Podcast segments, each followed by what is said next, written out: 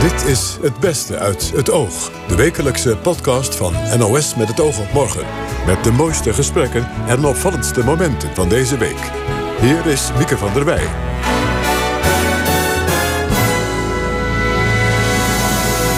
Hartelijk welkom. Fijn dat u luistert naar Het Beste uit het Oog.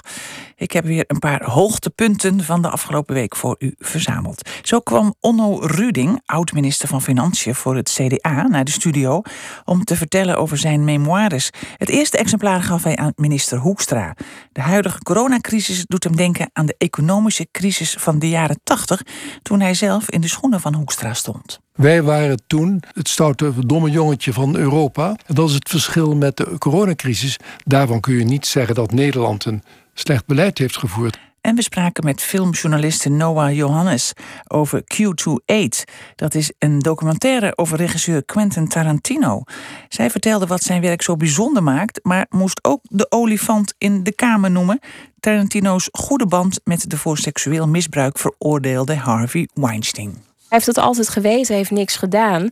Um, ja, Harvey Weinstein was zijn grote vriend en heeft hem gemaakt tot wie hij is. Dus dat, ja, dat wringt een beetje. Maar we beginnen met onze denker des vaderlands, Daan Rovers. Zij volgt het coronadebat op de voet en vertelde bij Chris Keijnen dat ze denkt te weten wat wij kunnen doen aan het coronachagrijn van de Nederlanders. Wat ik echt heel kenmerkend vind, wat je ziet aan deze virusaanpak, is hoe moeilijk het is om de lange termijn op de korte te veroveren. Het is mhm. allemaal toch wel paniekvoetbal. Hè? Eh, dus. Um, en ik zal niet zeggen dat het niet nodig is, maar um, je zou toch hopen dat in ieder geval uh, er tegelijkertijd, of in die, die tijd die er dan gecreëerd wordt, ook gekeken wordt naar de lange termijn. Mm En dan bedoel ik uh, ook um, een aantal andere problemen geadresseerd worden over hoe we er op de lange termijn mee om moeten gaan. Dus ik ben bijvoorbeeld best bereid om drie weken lang mijn adem in te houden nu, hè, wat er nu staat te gebeuren. Maar dan wil ik wel dat er aan het einde van die drie weken een paar dingen voor de middellange termijn opgelost zijn. Bijvoorbeeld mm testbeleid, ik noem maar wat. En dat er ondertussen nagedacht wordt over wat doen we met de problematiek die er achteraan komt. De sociale problematiek, de, de, de andere medische zorg, de economische problematiek. Terwijl nu, en dan, kijk, um, u adresseert vooral de politiek. Dat vind ik wel terecht, maar dat is niet het enige. Kijk, je ziet in de media ook dat. Volgens mij praten wij al vijf maanden lang iedere dag over de mondkapjesplicht, al ja, of niet. Zeker. En het wetenschappelijk bewijs is daar niet heel erg over veranderd, of wel, weet ik niet. Kan me niet schelen. Ik wil eigenlijk gewoon. De als we nou eens de komende drie weken ons gedragen. En niet meer ouwe horen over die Mhm. Misschien is het, ik weet niet, een, een parlementair woord. Maar als we nou eens ons richten op een paar andere dingen. En ook problemen die niet samenhangen met corona trouwens. Die, die, gaan ook door, hè? Ik refereer even aan een stuk, een, een interview wat met jou in Vrij Nederland stond. Uh, een paar dagen geleden, wat hierover ging. Waar je zei, ja, we moeten wel een balans vinden tussen uh, sceptisch en, en, en, en volledige volgzaamheid. Ja. Dat, dat is ingewikkeld op zo'n dag, natuurlijk. Ja, nou kijk, Um, Als iedereen weer ook een beetje in het gereel moet. Dat is de boodschap. Nou, het probleem is natuurlijk wel dat het ons allemaal raakt. Dus het houdt ons allemaal bezig. Daarom mhm. is het ook lastig, vind ik zelf ook, om over die corona. Um, actualiteit heen te komen. Dus ik, alles is corona om heen. Al, en het eerste nieuws wat ik lees gaat daar ook over. En dan merk je aan jezelf, en daar ging dat stuk in Vrij Nederland over. Ik dacht, iedereen wordt er toch een beetje humeurig van, ja. reinig van. En hoe ga je daar nou mee om? Ik dacht, toen aan uh, een, vriend, een, vriend, van mij, René Gude, vijf jaar geleden is hij overleden. Hij was behoorlijk bekend uh, in die tijd, omdat hij mm, vanuit zijn ziekte een soort humeurmanagement ontwikkeld had. Hij was ook Denker des Vaderlands. Hij was Denker des Vaderlands. Zat vaak bij Matthijs in de Wereld Draait Door. Ja. ja. En dan praatte hij overigens over dat humeurmanagement. Over de vraag, hoe kan het dat ik toch met een zeker opgeruimd humeur deze onzekere tijd doorkwam? En ik dacht, misschien heb ik iets aan het herlezen van zijn adviezen over zijn situatie in deze coronatijd. Mm En dat vond ik toch eigenlijk wonderlijk bruikbaar. Omdat hij, hij zei eigenlijk, als je in een onzekere tijd zit, je weet bijvoorbeeld dat je doodgaat op afzienbare termijn, maar je weet niet precies wanneer, dan zijn er twee logische reacties. De ene is meteen alles opgeven, dekbed over je hoofd trekken en denken: het heeft allemaal geen zin meer, want ik ga binnenkort dood, dus ik doe helemaal niks meer. En je valt dus samen met die, met die sombere diagnose. En de andere uiterste eigenlijk is denken: ja, ik ga binnenkort dood, maar ik weet niet precies wanneer. En iedereen gaat een keer dood, dus ik trek me er niks van aan. Mhm. En die twee extreme reacties zijn op de een of andere manier heel aantrekkelijk. Hij noemde dat dogmatisme en scepticisme. Mhm. En dat zie je bij corona volgens mij eigenlijk ook. Dat de twee houdingen die het meest extreem zijn. Dus de ene is, Rutte is een slapjanus. We moeten veel harder aan, eh, maatregelen nemen. Dit kan zo niet langer. We zijn het enige land wat zo vrij is nog. We moeten in een totale lockdown. Dat is reactie 1. En de andere is, ik doe niet meer mee. Mhm. Het virus, het is maar een virus, het is maar een griepje. En die twee polen die hebben heel veel aantrekkingskracht in de publieke opinie. En het zijn ook een beetje prettige posities om je toe te verhouden. En het is natuurlijk zo dat, dat ze allebei onwaar zijn. Hè? Dat de waarheid ergens in dat modderige midden ligt. Mhm. En dat, ze, dat de situatie zo onzeker is. En hoe geef je is. dat modderige midden dan vorm voor jezelf? Persoonlijk? Allereerst maar eens om die onzekerheid onder ogen te zien. En door, je, door niet aan de haal te gaan met die interessante fantasiebeelden. Hè? Dus eh, zoals René dat ook noemde, je moet, je moet je verstand een beetje beteugelen. Je moet, niet, je moet je niet alle doenbeelden voor de geest halen die je kunt bedenken. Overschatte bezigheid, hè, denken. Ach, maar, je- maar je kunt je wat in je hoofd halen. En dat hoeft Ja. helemaal geen realiteit te worden. Dus hou daar gewoon mee op. Mhm. Maar hou ook op te ontkennen dat er iets aan de hand is. Mhm. En probeer te, te leven, te schaken, te, te, te staan te midden van die onzekerheid. En die onder ogen te zien. En dat betekent eigenlijk, ja, het is een heel saai verhaal. Maar dat betekent gewoon per situatie afwegen wat verstandig is. Wat het Mhm. gezonde verstand je ingeeft. Ja. En, en eh, dat kan dus betekenen dat je eh, ja, je voegt naar de maatregelen die er zijn. En toch soms eh, dingen doet die niet mogen of de fout ingaat. Maar dat betekent niet meteen dat je meteen tot alle sceptici behoort. Ja, en, en eh, ja, hoe verhoudt zich dat dan tot, tot toch zo'n klemmend beroep? We moeten dit allemaal samen doen en we moeten ons allemaal samen aan deze maatregelen houden, want anders werken ze niet. Ja, ik denk dat dat waar is. En ik denk dat iedereen ook eh, met een beetje gezond verstand kan inzien dat dat zo is. Ik denk dat het goede aan deze persconferentie was dat hij een zekere urgentie terugbracht. En, en dus er een zeker beroep op ons deed. als een nieuw momentum. En dat er een einddatum aan zat. Want dat is ook altijd prettig. Over drie weken kijken we verder. En ik denk ook dat we die tijd moeten gebruiken om dan ook drie weken. Niet drie weken iedere dag na te denken: wat doen we van. Welke maatregel nemen we vandaag wel of niet? Gewoon even niet. En deze tijd die we nu, dat gat wat we nu voor onszelf graven in de tijd gebruiken om een beetje verder vooruit te kijken. En vandaag zei iemand tegen mij: Je hebt ook wel pech dat je denken des vaderlands bent in coronatijd. En toen dacht ik: Ja, het is best interessant. Maar tegelijkertijd is het zo dat we. We praten alleen maar over corona. We moeten ook eens een paar keer over iets anders praten. Dat zei Denker des Vaderlands Daan Rovers. En dat gaan we gelukkig in deze podcast ook doen. Onno Ruding, oud-minister van Financiën voor het CDA, kwam het hebben over zijn memoires. Balans heet dat boek. Het ging om meer dan geld alleen. Maar Thijs van der Brink, die weer eens inviel als presentator, vroeg zich toch af hoe eeuwige rekenaar Ruding kijkt naar deze coronacrisis, waarin overheden geld uitgeven zien als oplossing. Ik maak me wel zorgen als het zo doorgaat. Op dit moment is dat een juist beleid. Dus dat kun je vervelend vinden, maar Nederland kan het financieren. Dat is het verschil met sommige andere landen die een slecht beleid hebben gevoerd. Maar als dit zo doorgaat, houdt het een keer op, ook voor een minister van Financiën. Ja. En dan, dan zijn het hele moeilijke beslissingen. Maar zover zijn we gelukkig nog niet. Nee. En er, komt, er komen natuurlijk verkiezingen aan. eh, en dan volgt er een formatie. Denkt u dat er tijdens die formatie al bezuinigd moet worden? Of zegt u dat is te vroeg? Dat moet je nog niet doen. Ehm, nou ja, u, u bedoelde net al, ik ben een streng mens. Maar je moet ook alles op zijn tijd doen. Een bezuiniging is, denk ik nu, of binnenkort dan met, met de formatie van het nieuw kabinet, nog niet aan de orde. Want je moet eerst kijken hoe verder dat proces gaat lopen. Ja. Maar je mag het ook niet uitsluiten op termijn. Dus Nee. niet volgend jaar, maar verder. En de Raad van State heeft terecht, denk ik, dit kabinet gewaarschuwd dat ze wel wat meer duidelijkheid moeten geven over hun plannen voor de toekomst. Ja, bij de stukken rond Prinsjes dat, hè? Dat, dat Ja, advies van ja, eh, denk wel goed naar. Balans, het ging om meer dan geld alleen. Van, van waar die ondertitel? Ja, ik ben blij dat u dat vraagt. Dat heb ik opzettelijk eraan toegevoegd. Omdat anders de indruk zou ontstaan dat de minister van Financiën alleen geïnteresseerd is in geld. Maar het beleid van Lubbers 1 en 2, een tijd geleden, was echt toch allereerst sociaal gericht op de toen eh, ernstig, veel te hoge werkloosheid aanpakken. Dus meer werk. En, en ook natuurlijk een financieel doel, het saneren van de overheidsfinanciën die toen een puinhoop waren. Ja. Maar het een helpt het ander. Maar het was absoluut niet alleen maar een financieel beleid. Eh, U greep hard in. Uh, maar u zegt dat was juist omdat het om mensen ging?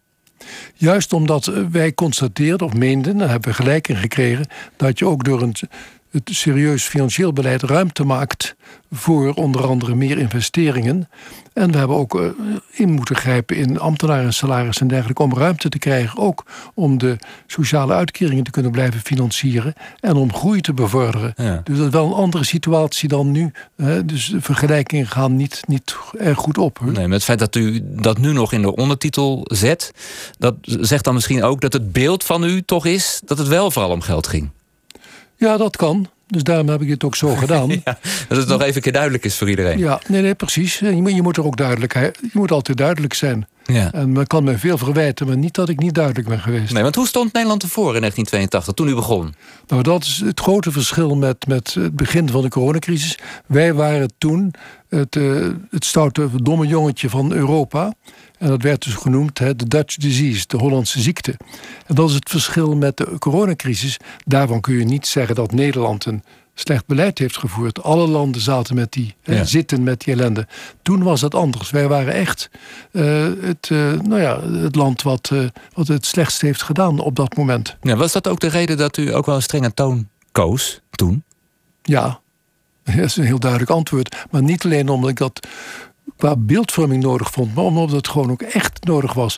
Ik was niet in staat om tegen een lage rente um, staatsleningen. Nee, wat was het? 10% in die tijd? Ja, bijna 10%. En als je dat vergelijkt met nu. Nul, nu krijgen we geld toe. Ja, maar dat is een ramp. Want dat betekent dat als je serieuze maatregelen neemt, dat het grootste deel van het geld wegloopt naar rentebetalingen. En, dat is nu wel een andere situatie. Wat dat betreft, het Hoekstra het veel makkelijker dan nu. Ja, op dat punt heeft hij het veel gemakkelijker. En dat wens ik hem ook toe. Want dat wens ik niemand toe, dat je, dat je zodanig klem zit als wij toen zaten. En het is toch gelukt, niet binnen één jaar, maar binnen een paar jaar, om die trend uh, te keren. Ja. Ten gunste. En dat vind ik toch nog steeds een uh, goede prestatie. Ja. U komt in uw boek nog even terug op een beruchte uitspraak van u. Uh, we zitten, werklozen zitten liever bij tante Truus op de koffie... dan dat ze zich inspannen om een baan te vinden. Was veel woede over destijds. Um, ja. Dacht u niet van, dan moet ik maar weglaten? Nee, want ik wilde echt die zaak op scherp zetten. Het was echt nodig dat er meer mobiliteit zou komen bij in de arbeid. Dat de mensen bereid waren te verhuizen voor een andere baan of een betere baan.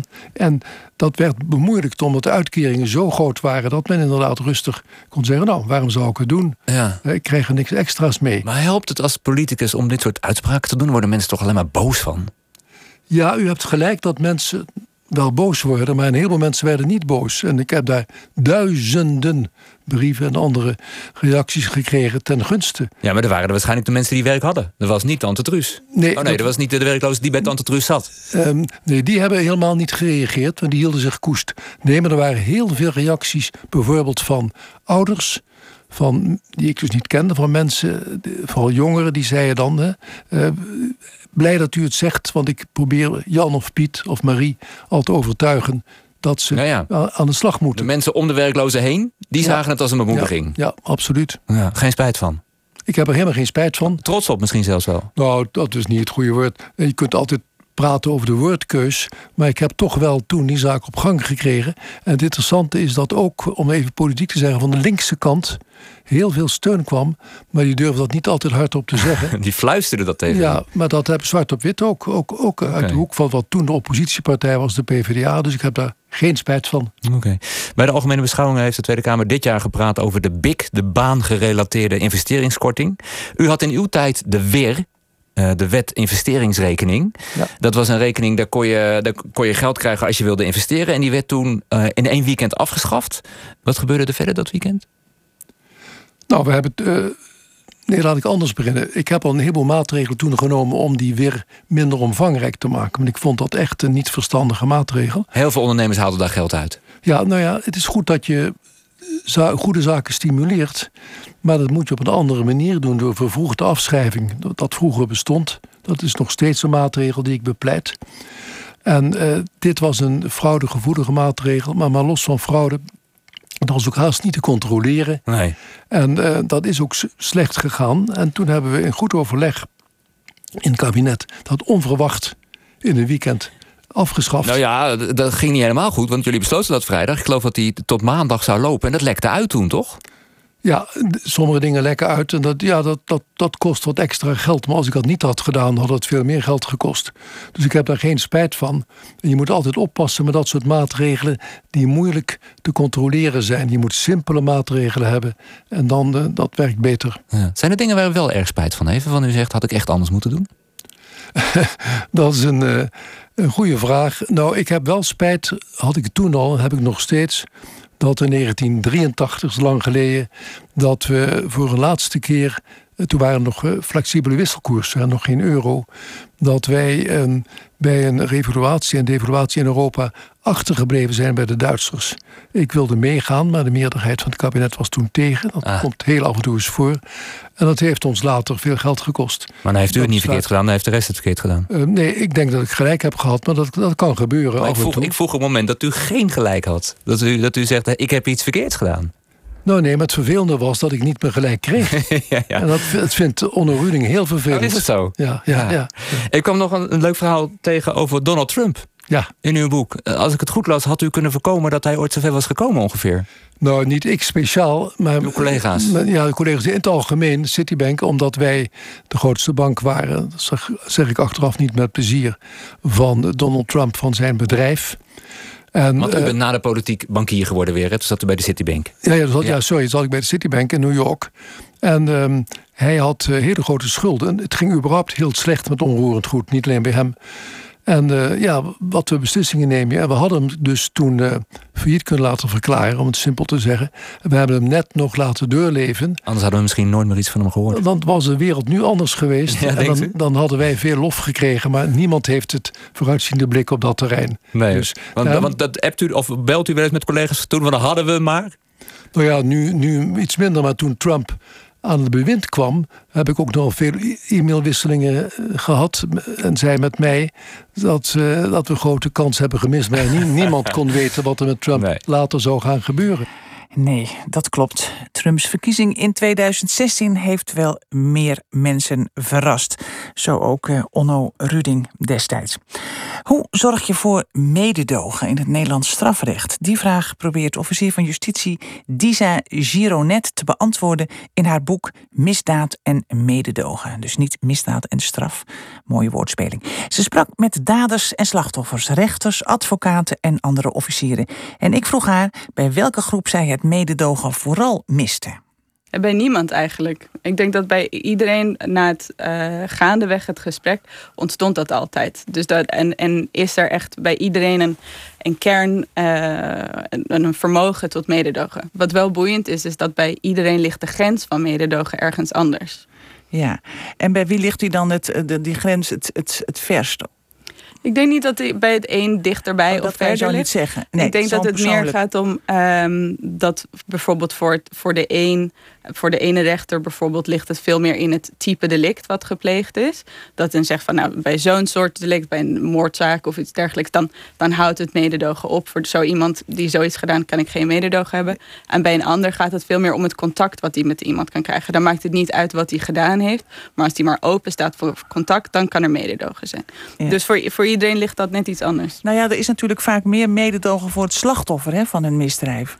Dat zien we nou terug bijvoorbeeld in de aandacht voor hogere straffen. Nou ja, mm. deze week hè, het, het, plan om de maximale straf voor doodslag te verhogen van 15 naar 25 jaar. Wat ja. denk jij dan, dan als je dat leest? Nou, ik denk dat dus het verhogen van, van de maximumstraf voor doodslag, dat is natuurlijk dat is ingegeven door een verlangen om meer uh, recht te doen aan, uh, aan het leed van, van de slachtoffers. Ja, of nabestaanden dan in die. Ja, daar is mededogen voor. Precies. En dat is, dat is één manier om daar uitdrukking aan te geven. Maar tegelijkertijd denk ik dat het. Het is één middel die, die redelijk beperkt is. Want niet in alle gevallen nee. maakt de hoogte van de straf uit. En dan is de behandeling op de zitting, hoe daar invulling aan wordt gegeven en hoe empathisch daar met de slachtoffers wordt omgegaan, dat is minstens zo belangrijk. Ja, maar je pleit in dit boek ook voor meer mededogen voor de daders. Ja, klopt. Hoe ben je daar zo bijgekomen? Om, dat te, om daar nou ja, ik denk dat veel mensen dat denken, nou zeg, uh, hè, die vinden het misschien soft of ik weet niet. Ja. Kom je dat tegen, die, die reacties? Nou, dat is wel, wat, het klopt natuurlijk helemaal wat u dat zegt, dat dat vaak de tendens is om, om zo te denken. Ja. Um, maar ik denk dat we niet alleen de mensen die misdrijven plegen tekort doen, maar ook uh, onszelf een beetje in die zin. Dus er zit een enorm potentieel um, voor gedragsverandering als mensen zich gehoord voelen. En als je het alleen maar afschrijft als soft en zegt, ja, ik hoef niet, iemand heeft dit gedaan, dus ik hoef niet meer naar zijn verhaal te luisteren, dan mis je het potentieel wat in die persoon zit om te kunnen veranderen. En hoe moet je dat aanboren dan, dat, dat, dat potentieel? Um, Want dat contact is natuurlijk altijd maar heel kort. Dat klopt, het is heel kort. Um, ik denk überhaupt beseffen dat die behandeling op zitting een onderdeel uitmaakt van iemands leven. Het is niet een dossier die wij openslaan en vervolgens dichtslaan en dan is het klaar. Er zit een begin aan, er zit iets wat er vooraf komt en er zit iets wat er achteraan komt. Dus alleen al dat besef dat je dus dat, die zitting wil inbedden in iemands leven, dat speelt al een rol. En als je op die manier denkt, dan ga je ook op een andere manier luisteren en andere soorten vragen stellen. Kun je, je geeft in het boek veel voorbeelden. Kun je, mm. kun je een voorbeeld geven daarvan? Dat het, dat het jou overkwam of dat je daar je best voor deed en dat dat echt verschil uitmaakte? Um, ja, er zijn uh, zoveel voorbeelden inderdaad. Eén voorbeeld die ik kan noemen is bijvoorbeeld dat dan um, een man die, dat is een voorbeeld die ook in het boek voorkomt, een mm. man die heel um, agressief was en heel bozig was. En we hadden ook een, hij had ook best wel vervelende delicten gepleegd, veel inbraken om in zijn verslaving te voorzien. Het was gewoon een best wel bozig man om te zien. Met zo'n donker gezicht ook toen hij binnenkwam.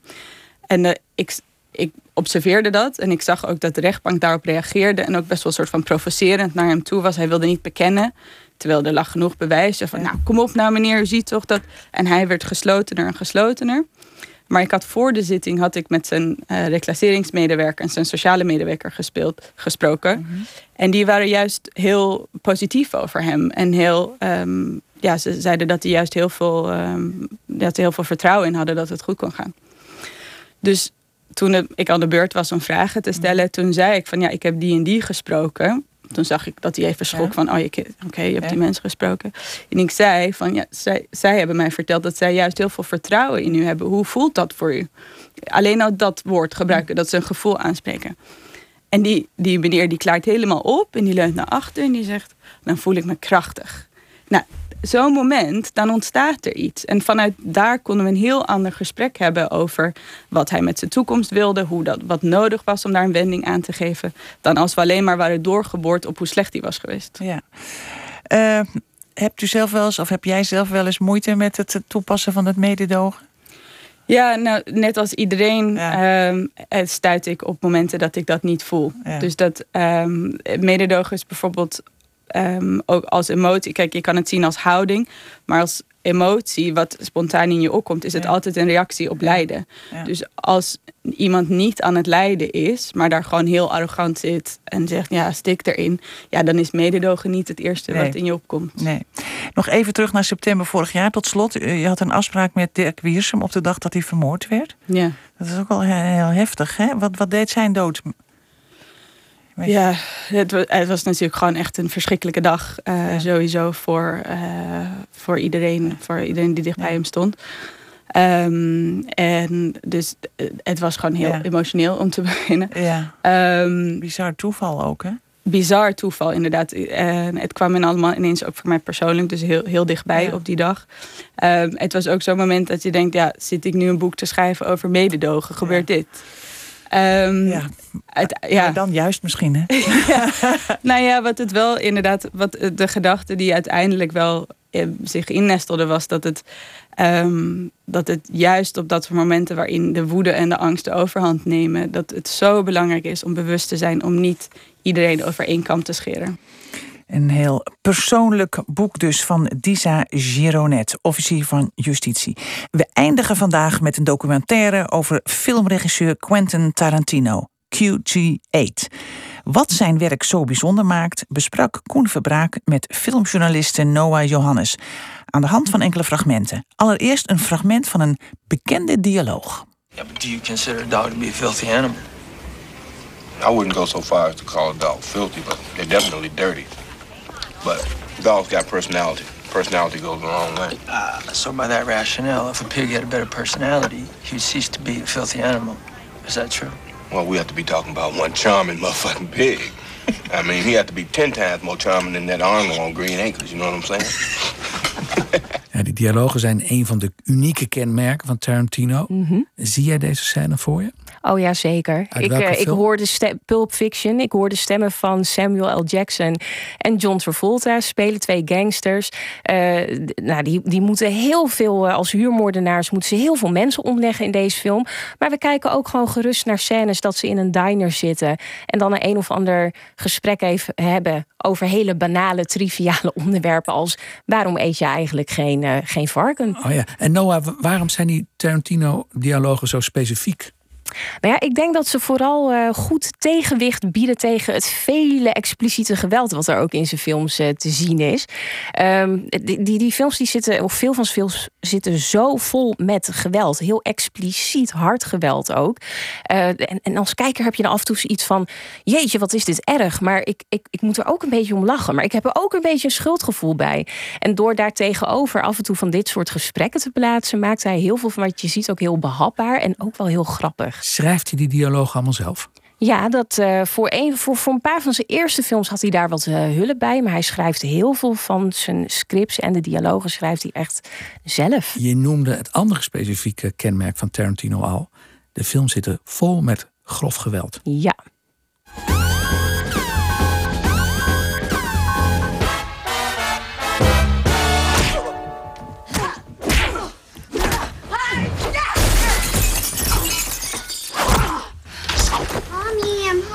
Baby. How was school? Uit welke film komt dit? Kill Bill. Ja, we, we zien het beeld er niet bij, maar je ziet het eigenlijk wel voor je. Ja, nee, Wat voor scène hoort- eh, je- speelt zich hier af? Nou, we, we, we zien dan dat eh, de hoofdrolspeelster Uma Thurman, die de rol van de bride speelt, eh, die komt dan op bezoek bij een van haar oud-collega's die heeft geprobeerd haar om te leggen. En zij raken dan meteen al verwikkeld in een hevig gevecht. Er gaat van alles kapot. Ze vliegen door de woonkamer. Er, er worden messen bijgepakt. Echt van alles. Maar dan ineens komt het dochtertje van haar oud-collega Vivka E. Fox. Die speelt die eh, vrouw. Die komt dan thuis. Die wordt eh, gedropt door de schoolbus. En dan moeten ze even stoppen. Ja, want het, het rare is het, is, het is heel grof geweld vaak, maar het heeft ook iets grappigs. Ja, maar dat klopt. Dat, dat is echt Tarantino ten voeten uit. Hij gebruikt geweld echt als een. Hij zet het in als een stijlmiddel. ehm, en maakt het, maakt het echt gewoon ontzettend expliciet. Overdrijft heel erg. Het is echt hyper ge- gestileerd. En, ehm, maar ja, daartegenover gooit hij er, smijt hij er gewoon heel veel humor tegen aan. Waardoor het iets behapbaars wordt. En iets banaals ook wel. En soms zoveel bloed. Dat Maar je er eerder om moet lachen dan dat je er kippenvel van krijgt. Een knipoog. Een hele dikke vette knipoog. Ja. Ja, hij vindt geweld. Hij, ik, ik heb ooit gezien dat hij zei van ik vind geweld gewoon echt de ultieme vorm van cinema. Hij is met echt van kinds af aan al met heel veel films opgegroeid en ook met heel veel gewelddadige Hij films. werkt in een videotheek Hij ook, heeft in een videotheek gewerkt en zo. Ja, die man, het is echt een wandelende filmbibliotheek. En eh, ja, dus geweld speelt ook echt een heel grote rol in alles wat er eh, uit zijn koker komt. Tot slot een laatste kenmerk. Speciaal op verzoek van jou, Ja. muziek.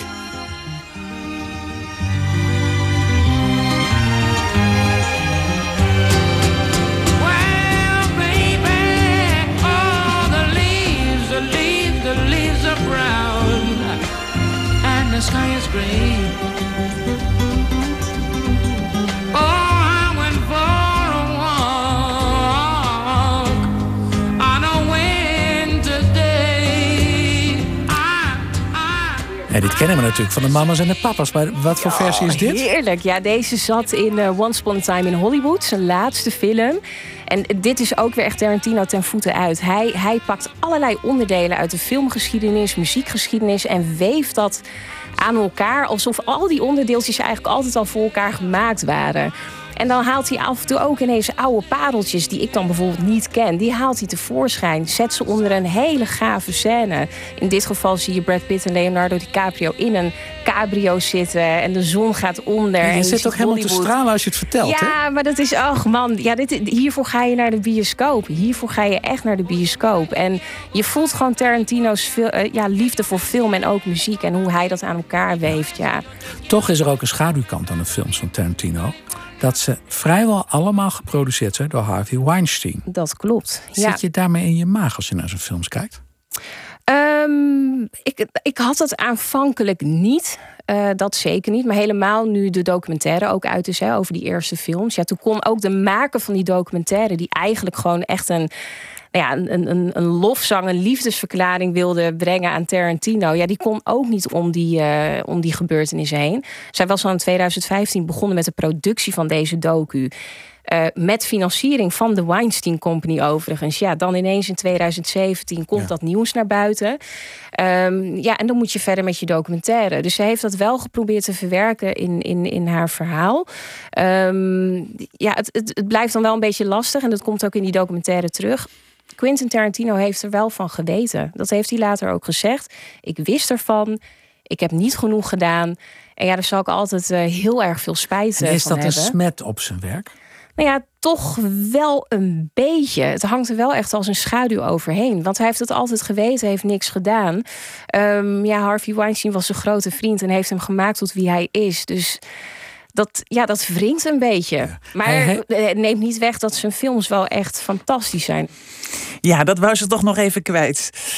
Filmjournaliste Noah Johannes ging dus over Quentin Tarantino. Nou, dit was het einde van de podcast van deze week. Maar volgende week dan staat er weer een nieuwe podcast voor u klaar in uw favoriete podcast-app. Dus ik hoop tot dan. Dag.